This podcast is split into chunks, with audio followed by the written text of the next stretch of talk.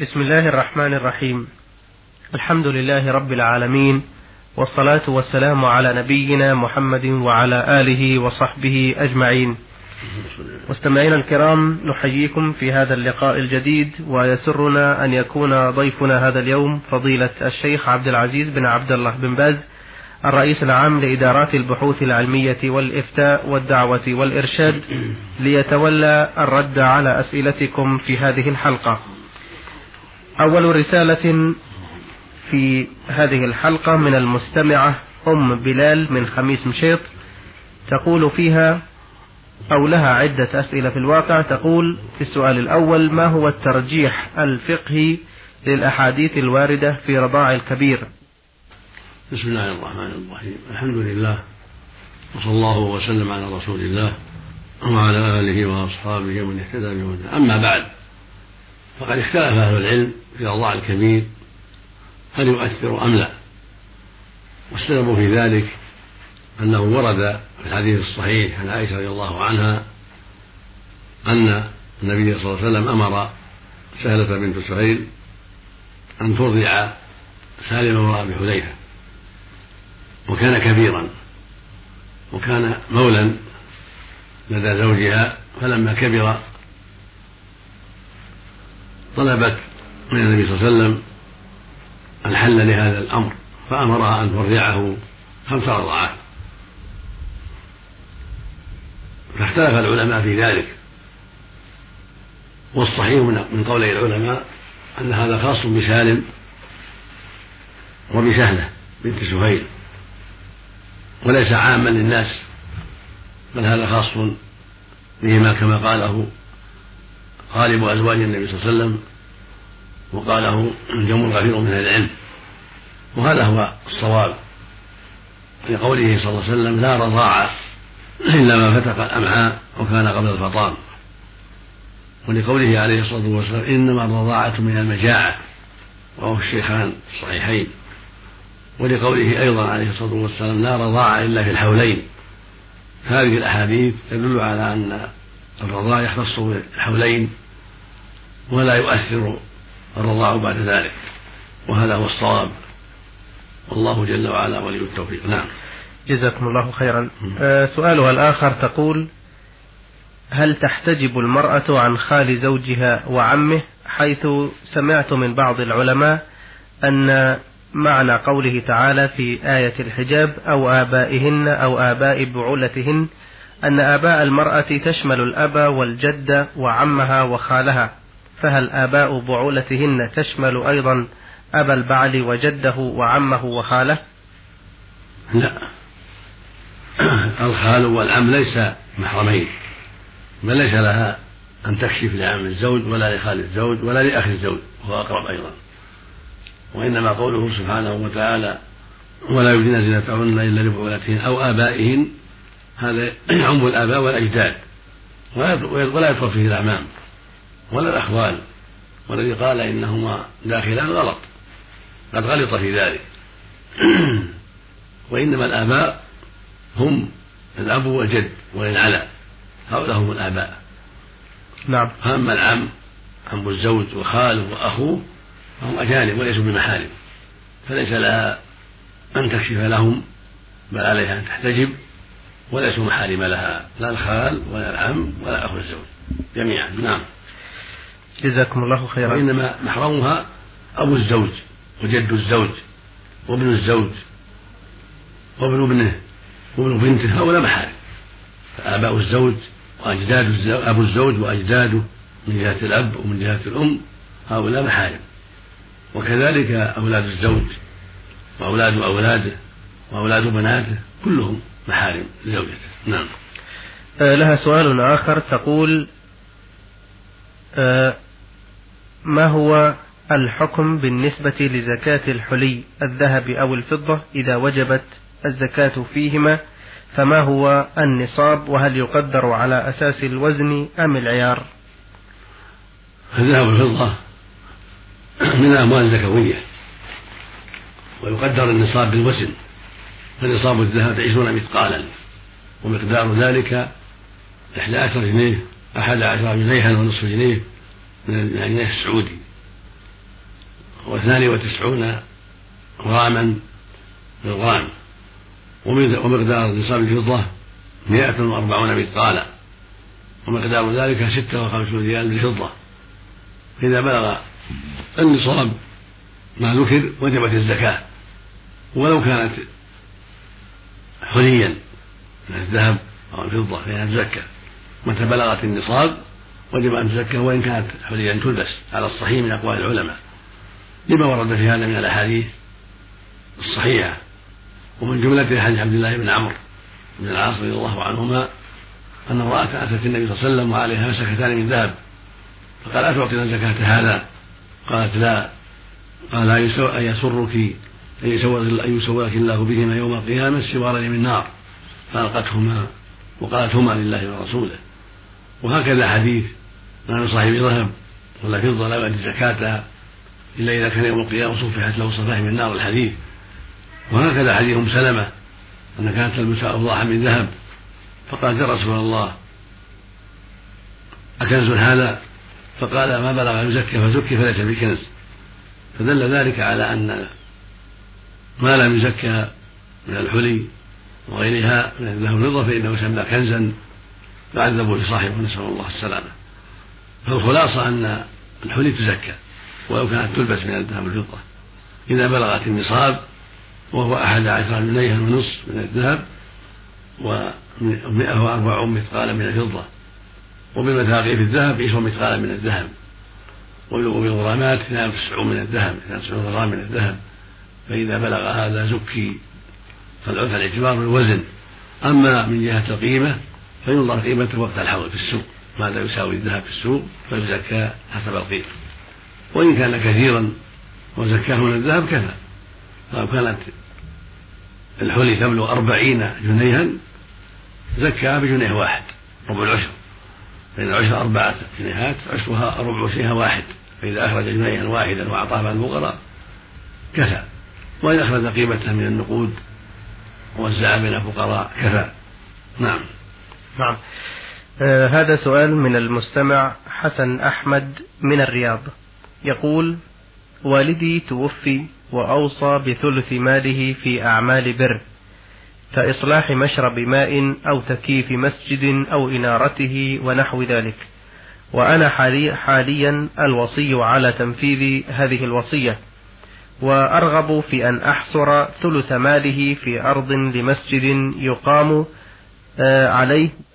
أرجو إفادتي عن صحة عمل هذا. أثابكم الله. الواجب أن يشترى بالثلث عقار. يكون وقفا في أعمال البر. فإذا كان الثلث كثيرا يمكن أن يشترى به عقار بيت أو دكان أو مزرعة جيدة تغل. حتى تصرف الغلة في أعمال البر هذا هو الواجب. نعم. حتى لا يعدم الوقف بل يبقى الوقف مستمرا. فيشتري فأنت أيها الوكيل تشتري عقارا بالثلث. وغلة العقار تصرف في تعمير المساجد في مصادقة الفقراء والمساكين في الإحسان إلى أقارب الفقراء في أشباه ذلك من وجوه البر. أما إن كانت إن كانت قليلا لا يتيسر به دكان ولا بيت ونحو ذلك فلا مانع من صرفه في تعمير المسجد حتى لا يضيع.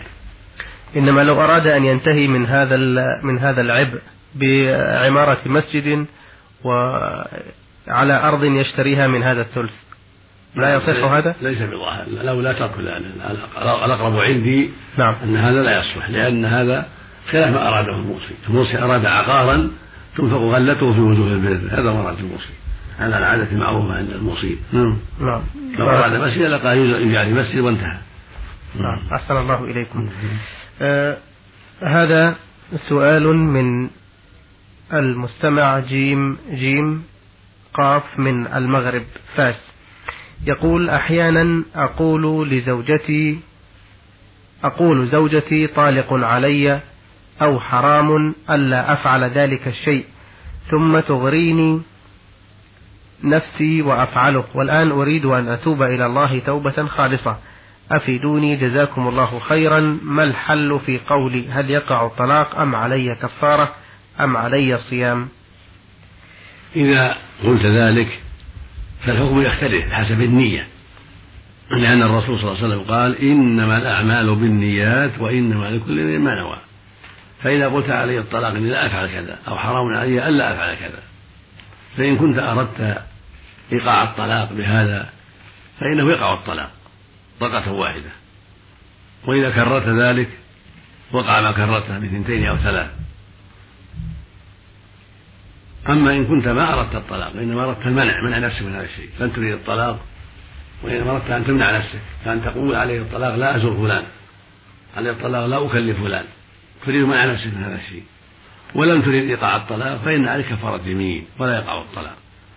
وكفارة اليمين إطعام عشرة مساكين أو كسوتهم إما أن تطعمهم غداء أو عشاء أو نصف ساعة من قوت البلد كيلو ونصف من قوت البلد لكل واحد تمر أو رز أو نحو ذلك.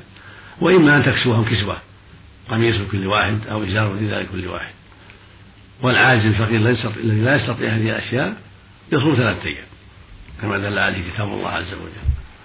وهكذا الحرام إذا قلت علي الحرام ما أفعل كذا فإذا أردت أنك تحرمها إن فعلته وأنا حرام عليك إن فعلته كان ظهارا في كفارة الظهار إذا فعلت هذا الشيء وهي عتق رقبة مؤمنة. فإن عجزت صمت شهرين متتابعين.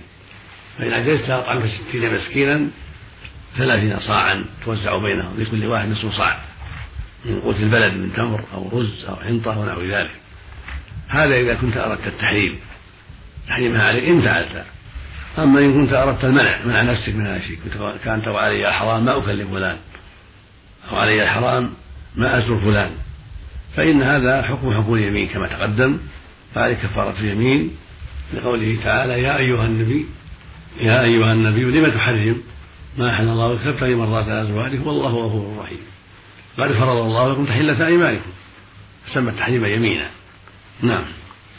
جزاكم الله خيرا. آه هذه رسالة من الأخت يا ميم با من العراق. تقول هل يجوز للمرأة أن ترفع الشعر الموجود في الوجه وتعدل الحواجب؟ وذلك برفع الشعر الزائد عن الحاجب. نعم. ليس لها ذلك. ليس لها أن تغير شعر الحاجبين ولا الشعر العالي في الوجه بل تدع ذلك. لقول النبي صلى الله عليه وسلم لأن الرسول صلى الله عليه وسلم لعن النامصة والمتنمصة.